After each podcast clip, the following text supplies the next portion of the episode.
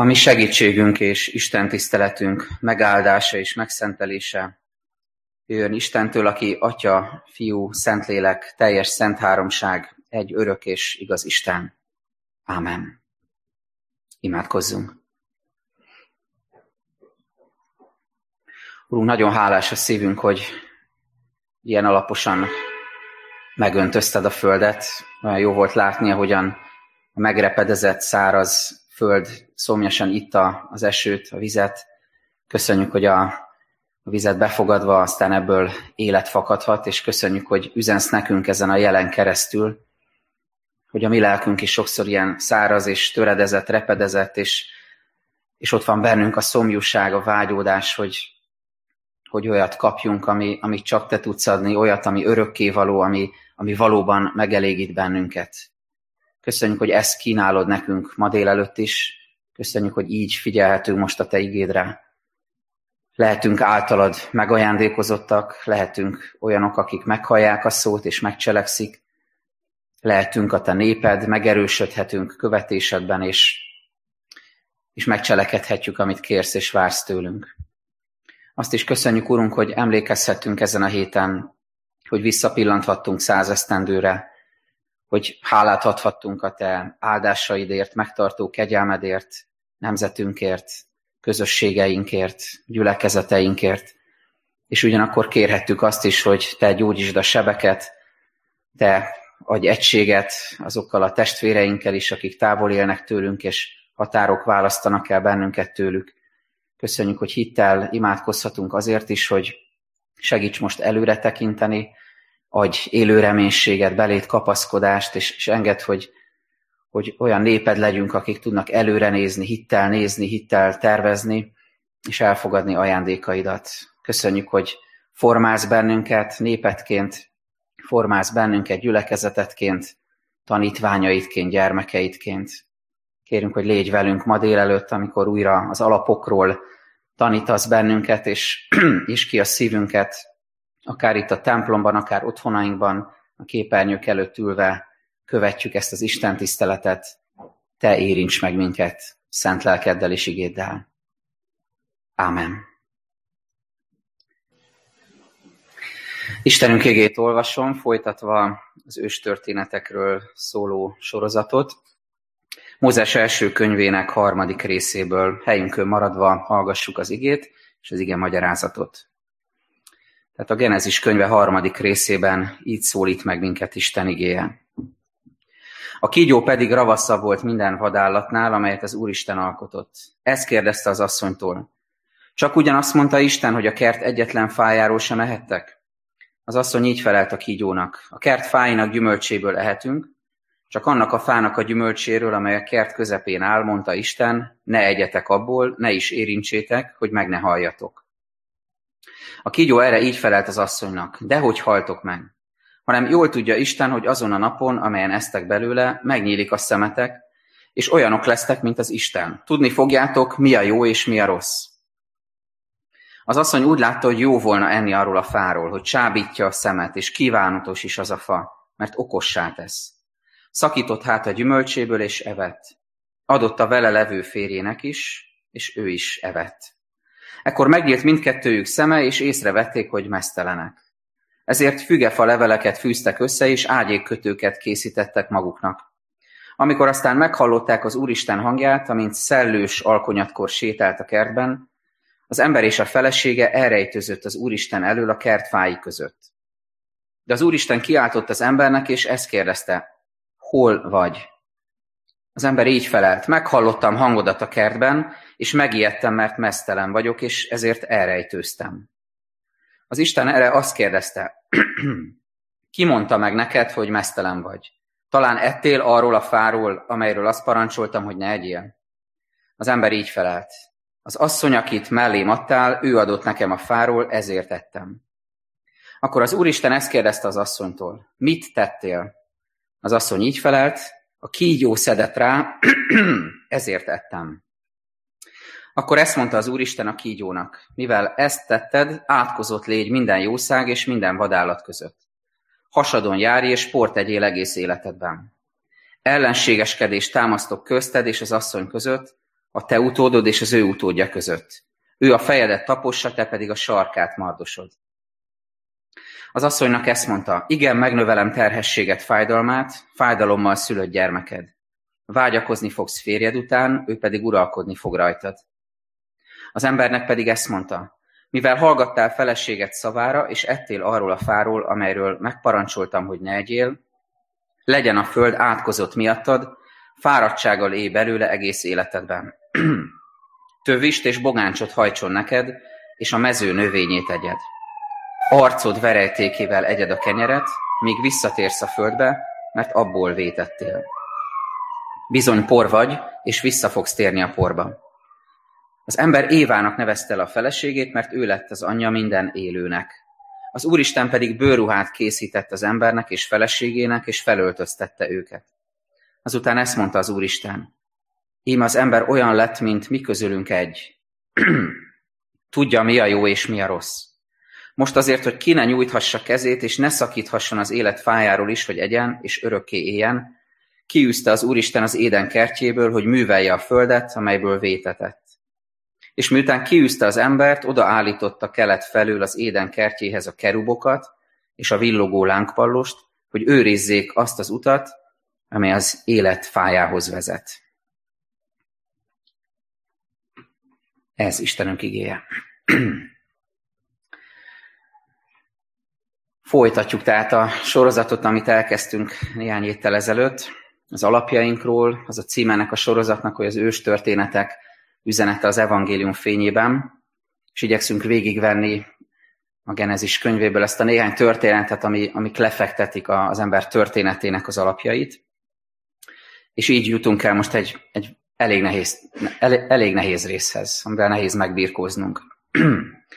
Visszaemlékeztem, hogy amikor a, a nagyapám Hernát úrdoki parókiáján nyaranta, kisgyerekként leemeltem a lelkész hivatal polcáról régi Calvin kalendáriumokat, ez az egyházunknak az évente megjelenő kalendáriuma, az, az egyház élet összegzése, akkor mindig kintottam, beleszagoltam, szeretek bele szagolni a könyvekbe, ezeknek nagyon dohos szaguk volt, mert 60-as meg 70-es évekből valók voltak, és uh, ahogy belelapoztam, mindig a képeket kerestem, arra emlékszem. Tehát úgy nagyon a cikkeket nem olvastam el, a leírásokat, hanem kerestem a régi konfirmációs csoportképeket, gyülekezeti találkozókról szóló képes beszámolókat és hasonlókat.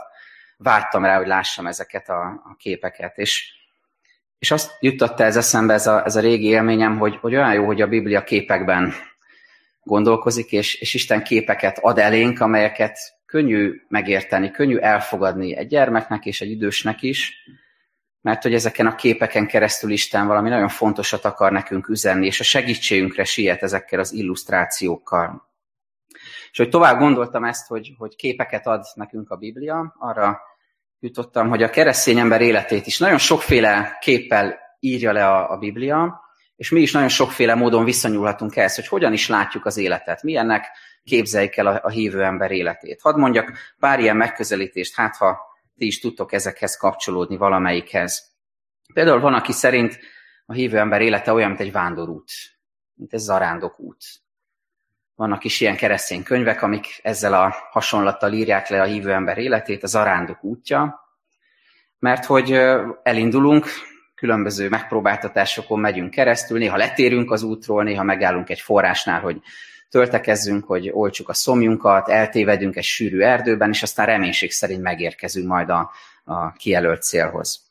Vagy van, aki szerint, ha már a nyár közeledik, és azt reméljük, hogy talán eljutunk egy-egy tópartra, és látunk hajókat, vagy hajóra szállhatunk. Van, aki szerint olyan a hívő ember élete, mint egy hajóút. Néha dagad a vitorlánk, nagyon hasít, hasítunk a, a hajónkkal előre, van, amikor szélcsend van, és nyomorúságosan cammog csak a hajó, vagy egy helyben áldogál, és ilyen az életünk. Van, hogy viharokba kerülünk, és olyan is van, mint Pálapostollal is történt, hogy hajótörés szenvedünk, mert az életünk olyan pontra jut, hogy, hogy azt éljük át, mintha hajótörést szenvedtünk volna, és aztán azt reméljük, hogy a kívánt kikötőbe eljuthatunk. Mások szerint kalandregény az élet, tele van fordulatokkal, kalandokkal, kihívásokkal, váratlanságokkal, meglepetésekkel, és jó így végigjárni az utat. másokat meg ez rendkívül frusztrál, hogy ilyen váratlanságok vannak az életben. Akkor megint mások szerint olyan az életünk, olyan a hívő ember élete, mint egy családregény, mint egy, mint egy családi történet. Jó, jó néha azt tapasztalni, hogy, hogy, hogy vannak olyan pillanatok, amikor egy nagy családi asztal köré ülünk egy, egy, egy finom ebédet elfogyasztani, és pesgő beszélgetést folytatunk, máskor pedig ugyanez a család egymás haját tépi, egymásnak esik, veszekednek egymással, konfliktusok vannak, és lelki értelemben is ezt megtapasztalhatjuk Isten népeként, hogy hol ez, hol az történik velünk, és ez a, ez a hívő ember élete. Van, akinek a sport áll közel a szívéhez, és ezért a Bibliából vett sportképekkel azonosítja a saját életét, például az életpálya megfutásával. Neki feszülünk a rajtgépnek, és kilövünk, és futjuk végig a, a pályát, és közben persze vannak holdpontjaink, és aztán újra megtáltosodunk, és átszakítjuk a célszalagot, ilyen az életünk. És olyan is van, aki szerint nagyon hétköznapi képpel azonosítható a hívő ember élete, például a munkával, a munkavégzéssel. Vannak ilyen képek, hasonlatok a Szentírásban, például a szántóvetőnek a kép, a magvetőnek a példázata, vagy a szőlőműveseknek a példázata, ami nagyon közel áll hozzám, mert az arról szól, hogy kimennek az emberek a piacra, és várják, hogy felfogadja őket a szőlős gazda, aki megalkuszik velük, ugyanabban az összegben, attól függetlenül, hogy délelőtt tízkor, vagy éppen délután ötkor már csak egy órányi munkára fogadja fel őket. És ez egy, ez egy jó élmény, hogy, hogy várunk, vágyunk arra, hogy az életünk téblábolásában Isten megszólítson, és felfogadjon minket az ő szőlőjébe. Lehetne még sorolni ezeket a képeket, hasonlatokat, de hadd mondjak még egyet, ami összekapcsol minket a mai témánkkal, és ami, ami kikerülhetetlen, hiszen rengetegszer beszél erről a Szentírás, és ez pedig a harc. Mostanában nagyon sok mindent látva, tapasztalva magam körül, magunk körül, tágabb közösségekben, világszerte, azt látom, hogy, hogy Isten megerősíti bennünk ezt. Bármennyire kényelmetlen ez a kép, és lehet, hogy tiltakozunk ellene, meg nem akarunk ilyen militáns dolgokat hallani, hogy harc, de szembe kell néznünk azzal, hogy a, hogy a hívő ember élete az, az bizony harc, mert ennek, van, ennek a képnek van valósága és igazsága, és időről időre figyelmeztet minket Isten a harc tekintetében. Mert hogy a keresztény ember szíve az harctér. Miért? Azért, mert egyrészt van, aki ad, ez maga az Úristen, van, aki ad, van, aki áld, aki életet ajándékoz, aki szeret, aki gyógyít, egyesít, lelkesít, gazdagít bennünket, felemel, megszabadít a kötöttségektől, jót akar, szüntelenül árasztja ránk a, az ő javait, és ugyanakkor igazságát.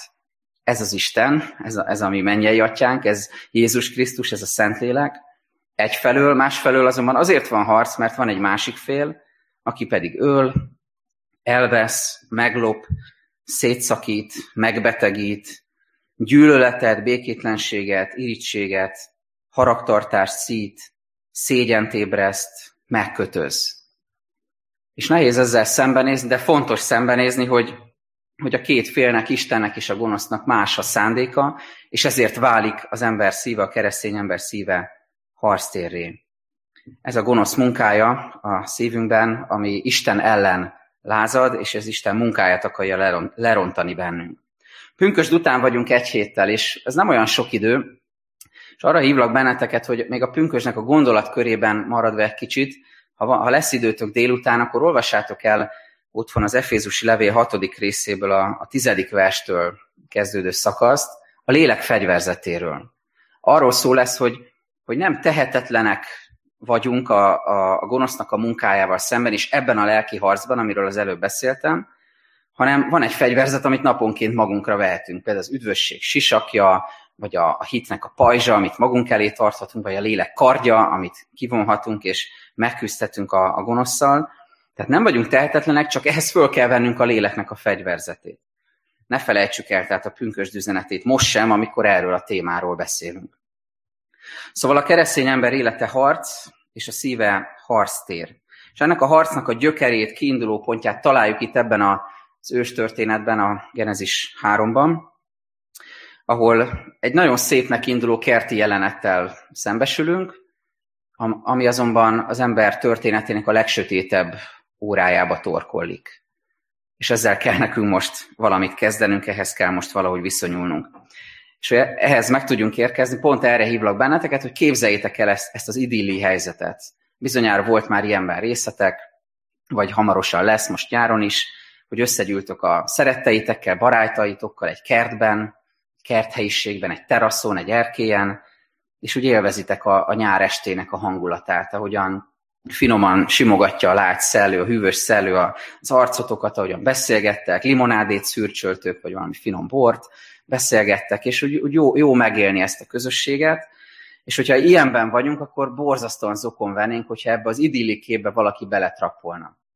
Belépne közénk valaki, akit nem vártunk, akit nem hívtunk, még csak be se csönget, átmászik a kerítésen, és beletrappol a mi meghitt beszélgetésünkbe.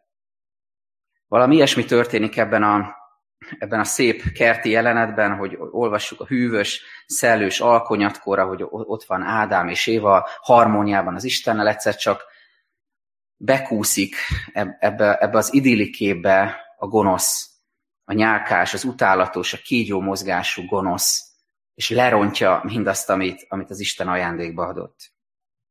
Először szeretnék nektek beszélni a bűnnek a, a folyamatáról, néhány mozzanatát szeretném ennek elmondani, egyet-kettőt picit részletesebben, és néhányat csak címszavakban, és utána pedig arról, hogy, hogy hogyan ragyog föl mégis ebben a koromsötét pillanatban az evangéliumnak a fénye ebben a történetben. Szóval a bűnnek a folyamatábrája. Nyolc lépést szeretnék, nyolc fázist elmondani gyorsan. Az első négy a bűneset konkrét megtörténtéig tart, és a másik négy pedig annak a tulajdonképpen már a következményét írja le. Az első ebben a sorban egy elbizonytalanító kérdés. Tulajdonképpen még csak bevezetés, még csak ahogyan bekúszik a kígyó ebbe a képbe. Egy elbizonytalanító kérdés. A boxból vett hasonlattal élve, a, a gonosz nem rögtön egy végzetes balegyenessel nyit, aminek KO a vége, hanem úgy megpróbálja kóstolgatni a, az ellenfelét, és úgy fölméri a, az ütőtávot, hogy kivel is áll szembe, és úgy, úgy me, megnézi, hogy hogyan is reagál erre az első kérdésre, ami ez, csak ugyan azt mondta Isten, hogy a kert egyetlen fájáról sem ehettek?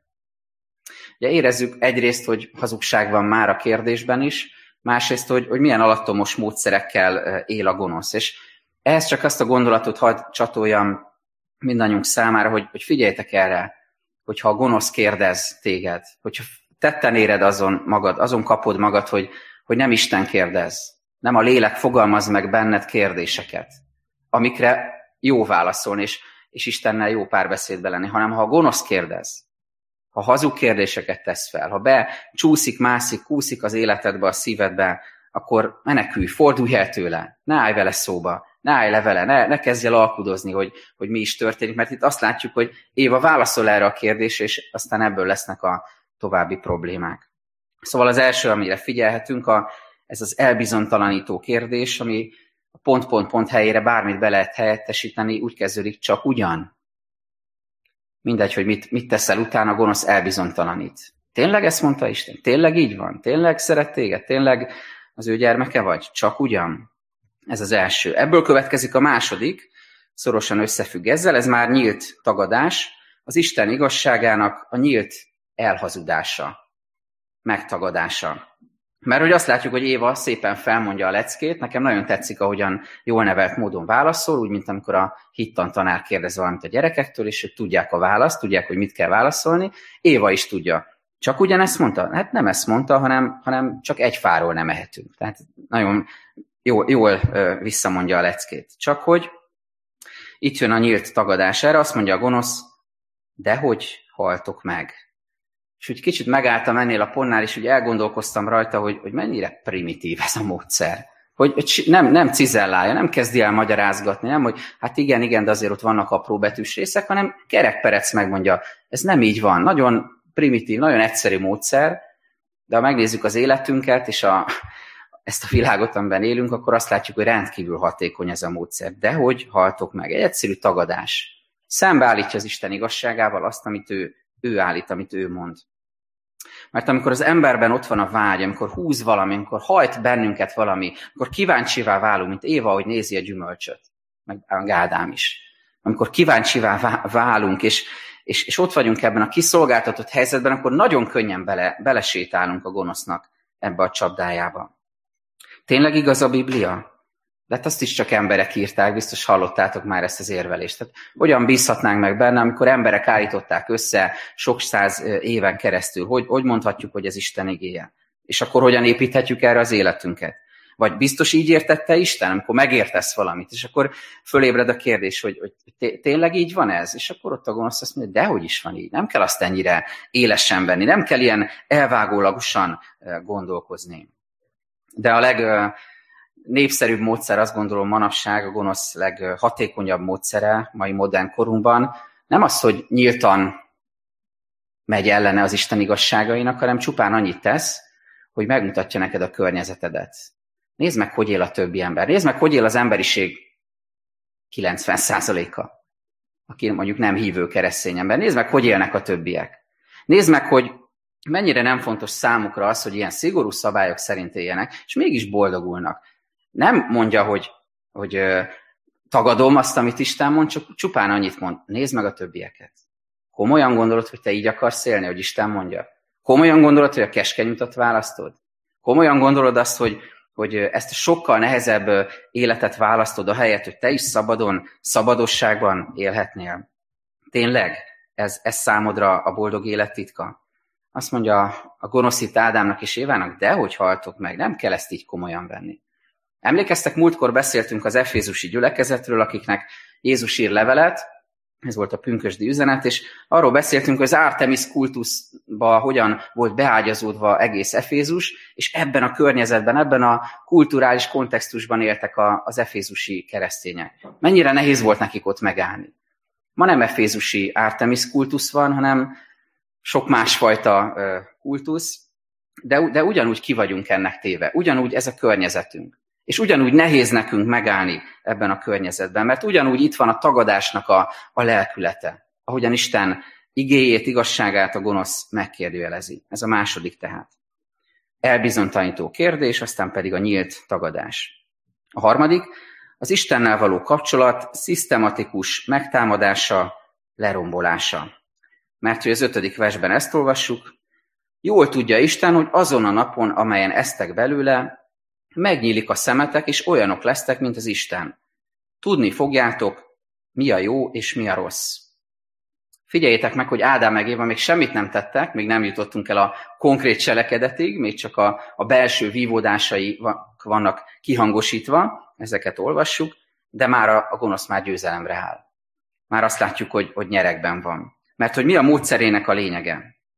Megrengetni az Isten iránti bizalmat rossz színben feltüntetni Istent. Azt mondani, hogy, hogy Isten irigy. Ha elolvassuk, akkor ez jön ki belőle. Isten irigy, Isten szűkmarkú, Isten magának akarja megtartani a hatalmat, Isten nem akarja rátok árasztani az összes áldását, bármennyire is ezt mondta előbb. Rossz színben tünteti fel Isten.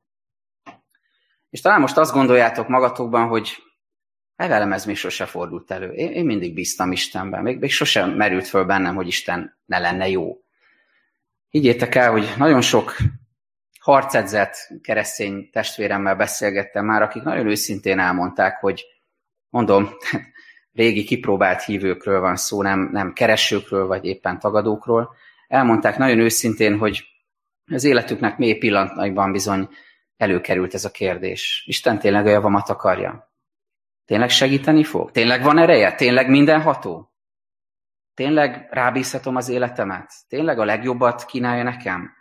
És legyünk őszinték, hogyha körbenézünk ebben a mai világban, a mai kontextust, a vizsgáljuk, akkor, akkor nagyon mélyen bennünk is ez előkerül, amikor, amikor látod a bűnnek a, a valóságát, amikor látod, hogy egy rendőr rátérdel 9 percig valakinek a nyakára, amikor látod, hogy, hogy egy országnak a nyakára rá lehetett térdelni száz évvel ezelőtt, nem 9 percig amikor látod azt, hogy hogyan semmiznek ki embereket, amikor látod az igazságtalanságot, amikor látod azt, hogy, hogy, hogy vannak bizonyos kiváltságos emberek, akiknek mindent lehet másoknak, meg szinte semmit. Amikor látod a bűnnek a valóságát, akkor fölmerül benned, hogy de hát Isten ezt nem látja. Nem látja a mi nyomorúságunkat, nem látja, hogy ez, ez történik a világban. És jó úton járunk akkor, ha ezt Istennek elmondjuk az a probléma, amikor a gonoszszal kezdünk el erről beszélgetni. És Éva ezt teszi meg Ádám. A gonoszszal beszélget arról, hogy Isten szűk markú. Ahelyett, hogy őszintén elmondanák az érzéseiket Istennek. Tehát nem ezzel az érzéssel van a gond, hanem azzal, hogy kinek mondjuk el.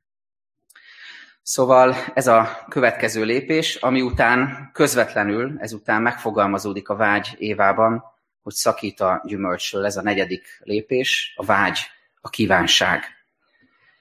A kívánság azután, ami tilos. És egy pillanatra megállva ennél a pontnál csak hadd mondjam, hogy, hogy mindennek két iránya van, de most csak ennél a pontnál mondom ezt el, érdemes mindegyiknél végig gondolni.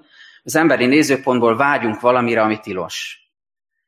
Tudjátok, hogy néz ki ez az Isten szemszögéből? Úgy néz ki, hogy az ő szeretett gyermeke, teremtménye, az első emberpár vágyik valamire, amit hogyha elvesz, akkor az biztos, hogy nem lesz a javára, hanem az ő romlására lesz, az ő pusztulására lesz.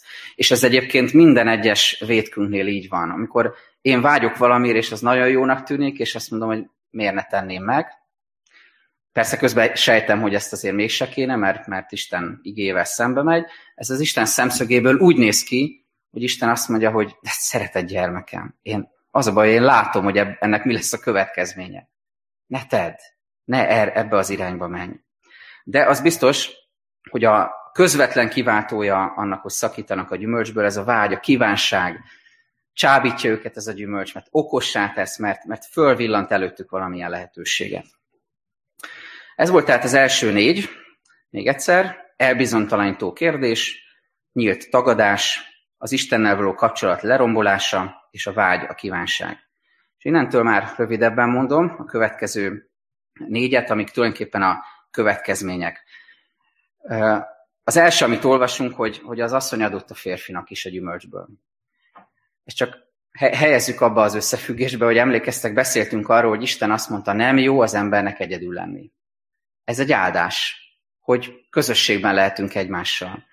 És amit azonban látunk ebben a jelenetben és, és ebben, ebben a történetben, hogy, hogy, hogy a bűnben sem akar egyedül lenni az ember. Hogy keres magának mondjuk így tettes társat. Nem akar magára maradni ebben. Érzi, hogy ez nem jó, de, de nem szeretne egyedül lenni. Tehát együtt a bűnben. Még itt is közösséget keres az ember. De ez már nem áldás. A következő, szégyen a mezítelenség miatt. Múltkor már utaltam erre. A bűneset előtti utolsó pillanat arról szól, hogy nem szégyelte magát az ember. És a bűneset bekövetkezte után mi az első, amiről olvasunk, hogy elkezdi szégyelni magát. Hogy lelepleződik, hogy bizalmatlan lesz, hogy gátlásai lesznek, hogy akadályoztatva van, hogy falak épülnek az ember és az ember, az Isten és az ember között. Minden reláció megromlik. Nemrégiben biztos hallottátok ti is, Amerika embert küldött az űrbe, föl, fölmentek az űrhajósok, kis döccenőkkel, de sikerült, és úgy néztem ezeket a szkafandereket, hogy mennyit változott a világ a 80-as évek óta, hogy milyen futurisztikus űrruhákat öltenek most már az űrhajósok, és az jutott eszembe, hogy mennyire abszurd lenne, hogyha ezek az űrhajósok miután visszatérnek a Földre, utána is az űrruhának, a, a szkafandernek a védelmében szeretnének tovább élni. Nem vetnék le magukról, mert nem bíznának abba, hogy hogy itt van oxigén. Nem bíznának abba, hogy szabadon lélegezhetnek, hogy, hogy szabadon közlekedhetnek és, és beszélhetnek a, a szeretteikkel, munkatársaikkal. Milyen abszurd lenne, ha így történne, és a szégyen az ilyen. A szégyen az egy szkafander, amit magadra öltesz, nagyon sokféle alakja van és módozata van, magadra öltöd, és abban érzed magad tulajdonképpen biztonságban. És nem akarsz kilépni ebből a szkafanderből, mert nem lehetsz benne biztos, hogy ki fog megbántani, hogyan fogod kiszolgáltatni magad, hogyan leszel sebezhető, inkább marad szépen ebben a kis burokban, védettségben. És ezért nem nyílt a kommunikációd, a kapcsolatod a többi emberrel és Istennel. A szégyen az, amikor nem a szabadság, hanem a szégyen motiválja a tetteinket. A következő a felelősségnek a, a hárítása. Az, amikor nagyon gyerekes módon, ahogy a gyerekeink, unokáink is szokták tenni, amikor nyilvánvaló, hogy mi követtünk el valamit, de azt mondjuk, hogy nem én voltam. Amikor azt mondjuk, hogy, hogy valaki más volt. Vagy lehet, hogy én voltam, de, de a körülmények miatt alakult így. És mindig találunk valamilyen kapaszkodót, valamilyen kifogást, hogy kire is fogjuk, mire is fogjuk, amit tettünk. A felelősség áthárítása. És végül az utolsó, a nyolcadik, a következmények. Mert hogy nem csak a tett itt a lényeg, hogy konkrétan szakítanak a gyümölcsből, hanem a lényeg az, hogy hogyan szakad meg a kapcsolat az Istennel és a másik emberrel a bűn, a tett következtében. Amikor az egyik házastárs megcsalja a másikat, akkor nem csak maga a tett az, ami fájdalmas és szörnyű és bűn, és nem csak ezt távolít el egymástól, maga a tett, hanem az a következmény, ami ebből, ami ebből jön, az, hogy megszakad a kapcsolat, hogy megszakad a bizalom, hogy fal épül a két ember között. Amikor az egyik ember bántja a másikat, amikor lopás van, hazugság van, gyilkosság van, elnyomás van, igazságtalanság van, nem csupán maga a tett a lényeg, az is nagyon szörnyű, hanem az, ami ebből következik, a kapcsolatok megromlása, megtörése. Istennel, másokkal, önmagunkkal és a teremtett világgal. Így ér véget tehát ez a meghitnek induló kerti jelenet, és nagyon szomorú lenne, ha itt lenne vége a történetnek. Azonban az evangélium felragyog itt a korom sötétben is. Több felől is meg lehetne ezt világítani, csak kettőt hozok most elétek befejezésül, hogy hogyan is ragyog föl ebben a sötétben az evangélium fénye. Az egyik, hogy megmarad a beszélő viszony Isten és az ember között. Ez nagyon érdekes és fontos végig gondolni, hogy amikor védkezünk, és így van ez Ádám és Éva esetében is, akkor nem az a következmény, hogy belénk csap a villám. Többekkel beszélgetve hallottam már ezt a gondolatot, hogy, hogy valahogy úgy képzeljük, hogy, hogy félelemben élünk, hogy vajon mit lehet tenni, mit nem lehet tenni, és amikor érezzük, hogy valami nem jót tennénk, akkor úgy, úgy behúzzuk a nyakunkat, mert mikor megtesszük, azt gondoljuk, hogy belénk fog csapni a villám. Hogy Isten ránk mennydörög az égből, és, és leszól, és, és megráz bennünket. Nagyon ritkán történik ilyen, nem tudom, veletek volt-e már ilyen, hogy belétek csapott a villám, ez nagyon ritkán történik meg, hogy ennyire nyilvánvalóan ránk szól Isten. Van ilyen is, de nagyon ritkán. azt, azt, azt jó meglátni, hogy, hogy amikor megteszünk valamit, elkövetünk egy vétket, el, elszakadunk Istentől, nyilvánvalóan olyat teszünk, ami nem kedves Istennek, ő mindennek ellenére keres minket. És ez egy csodálatos evangélium üzenete ennek a sötét történetnek ami ki ragyog, ki zendül ebből. Azt olvasjuk, hogy szellős alkonyatkor Isten ott járt kelt ebben a kertben. Ezt már utána olvassuk, miután ez megtörtént. Miután az ember elszakadt tőle. Emlékeztek, onnan kezdtük, hogy, hogy együtt vagyunk a szeretteinkkel egy meghitt kerti nyáresti mulatságon. És Isten is ott van, és jár kell a kertben. És amikor az ember elszakadt tőle, ő akkor belép ebbe a nyomorúságos helyzetbe. Jézus Krisztus azért jött a világba, hogy Isten belépjen a mi nyomorúságos Isten nélküli helyzetünkbe. Nem ö, felülről ítélkezik, nem felülről mennydörög ránk, nem megráz bennünket, nem belénk csak a csap villám, hanem odalép, és fenntartja a beszélő viszonyt. Kérdez bennünket. Nem úgy viselkedik, mint hogy mi szoktunk néha, hogy bevágjuk a durcát, hogyha a másik megbántott bennünket, elfordulunk, és nem beszélünk a másikkal. Kicsit büntetjük őt a hallgatással. Isten nem hallgat, sőt, kezdeményez. Négy kérdése is van. Hol vagy? Ki mondta neked, hogy mezítelen vagy? Talán ettél arról a fáról? Mit tettél? Csomó lényegre törő kérdés, amit persze tud Isten, hogy miért van, de értitek, azért kérdez, hogy meglegyen a beszélő viszony. Még a nyomorúságban is beszél velünk. Gondold végig, mit tettél az elmúlt héten, és hogyha nem vagy makulátlan és tökéletes ember, bizonyára fogsz találni legalább egy dolgot, ami, ami nem volt helyén való, akár cselekedetben, akár szóban, bármiben. Gondolj vissza, hogy amikor azt tetted, hogy, hogy, hogy Isten akkor is belép ebbe a helyzetbe, és kérdez téged, és, és fenntartja veled a kommunikációt. Azért, hogy lehetőséget adjon a bűnbánatra és az újrakezdésre. Mert hogy ha megnézitek az evangéliumokat, akkor azt látjátok, hogy, hogy Jézus nem csak a makulátlan emberekkel beszélgetett, nem csak az ő életükbe, otthonukba lépett be, hanem belépett Zákeus otthonába, aki egy elvetemült gonosz volt, aki elvette az emberek pénzét, de belép hozzá, és vele vacsorázik, és Zákeus élete megváltozik. Vagy a Samária asszonyjal nem úgy beszélget magaslóról, hogy, hogy hát ilyen ö, ö, züllött életű asszony még életemben nem láttam, hanem, hanem elkezd neki beszélni az élő vízről, és, és megelégíti a szívét. Vagy a latóral, aki mellette van megfeszítve. Nem azt mondja neki, hogy hát te haragudj, nem tudok rajtad segíteni, épp én is itt küzdködök, éppen meghalok, érted is többek között, hanem azt mondja, még ma velem leszel a paradicsomban. Vagy ott van Péter, a, le, a legjobb embere, aki megtagadja Jézust, és az egyik evangélium leírása szerintem, amikor Péter kimondja az utolsó tagadást, a harmadikat is megfordul, akkor szemközt találja magát a távolból Jézussal. Jézus ránéz, nem elfordul, nem azt mondja, hogy már Péterben sem bízhatok, már ő is megtagadott, hanem ránéz, keresi a kapcsolatot vele azért, hogy helyre állhasson ez a kapcsolat, és újra tanítvány lehessen. Az egyik tehát ez, ami kiragyog ebből evangélium üzenetként, hogy megmarad a beszélő viszony, keresd az urat így is.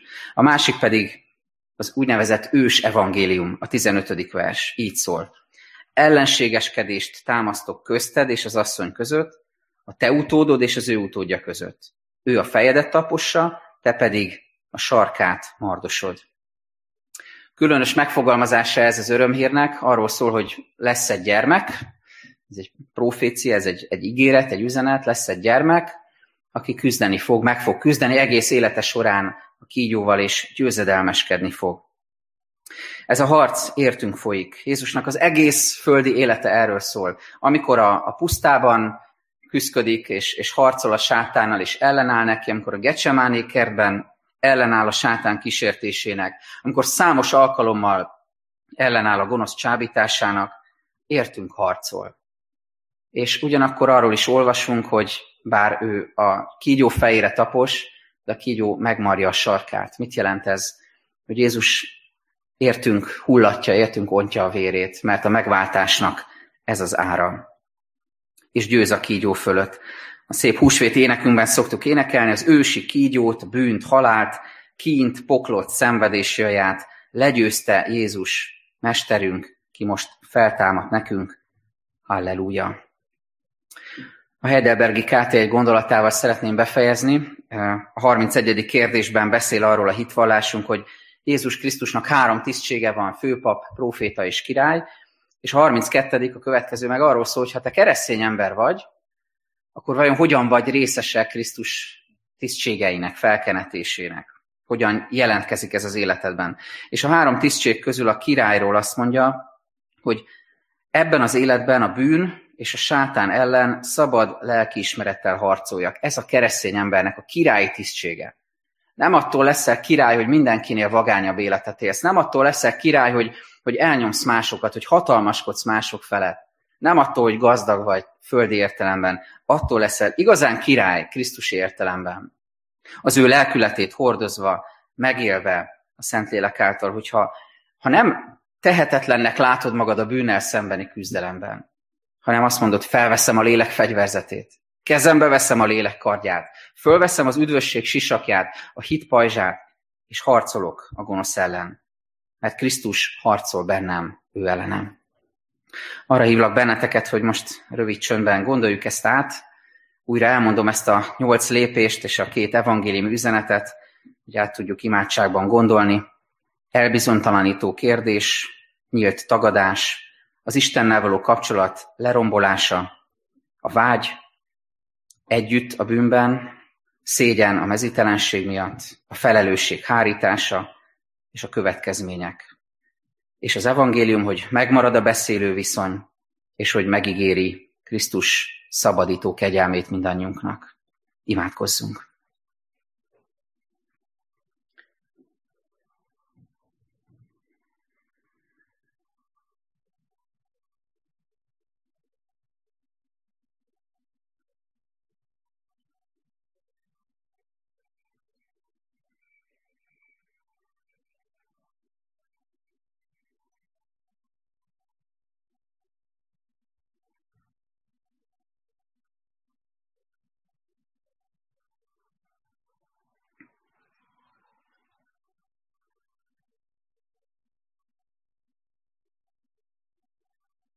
Úr Jézus Krisztus, hálásak vagyunk azért, hogy a nehéz alapkérdéseket is elénk hozod. És köszönjük, hogy segítesz minket szembenézni ezzel. Köszönjük, hogy bennünket is kérdezel, hogy hol vagy. És olyan jó most erre a szívünkben őszintén válaszolni, hogy hol tartunk, hogy mit tettünk, mi az, amire rávilágítottál most, hogy bűn volt az életünkben, és, és köszönjük azt is, hogy olyan csodálatos módon mutatod meg kegyelmedet rajtunk, hogy szeretsz minket, hogy felemelsz, hogy meg akarsz gyógyítani, hogy meg akarsz szabadítani bennünket. Hogy ne legyen megkötözött az életünk, a lelkünk, hanem tudjunk szabadon élni, szégyen nélkül. Köszönjük, Urunk, hogy felelősséget is adsz nekünk. Hogyha már megéltük, megtapasztaltuk, hogy megszabadított életű emberek vagyunk, akkor segíts, hogy mi is lehessünk másokhoz irgalmasok a Te irgalmaddal, hogy tudjunk szeretni a Te szereteteddel, hogy lehessünk türelmesek a Te türelmeddel. Urunk, imádkozunk nemzetünkért, népünkért, köszönjük, hogy megőriztél bennünket, és kérünk, hogy továbbra is tarts meg minket egységben, rátfigyelésben, és kérünk azért, hogy, hogy őriz bennünket testileg is, még mindig nem igazán sejtjük, hogy hogyan is folytatódik majd ez a járványhelyzet, de kérünk légy az orvosokkal, ápolókkal, az időseinkkel, szeretteinkkel, betegekkel, őriz bennünket, és, és kérünk, hogy építsd fel újra a gyülekezetünket, hozz vissza bennünket a templomba, hogy tudjunk egymással találkozni, és kérünk, hogy állítsd helyre a, a bizalmunkat is, és, és kérünk, hogy, hogy adj bizonyosságot Te igéd által. Köszönjük, hogy meghallgattad a magunkban elmondott imákat, és most fennállva jövünk eléd, amikor együtt mondjuk a tőled tanult imát. Mi, atyánk, ki a mennyekben vagy, szenteltessék meg a te neved, jöjjön el a te országod, legyen meg a te akaratod, amint a mennyben, úgy a földön is. Minden napi kenyerünket add meg nékünk ma, és bocsáss meg a mi védkeinket, miképpen mi is megbocsátunk az ellenünk védkezőknek. És ne vigy minket kísértésbe, de szabadíts meg minket a gonosztól, mert tiéd az ország, a hatalom és a dicsőség mind örökké. Amen.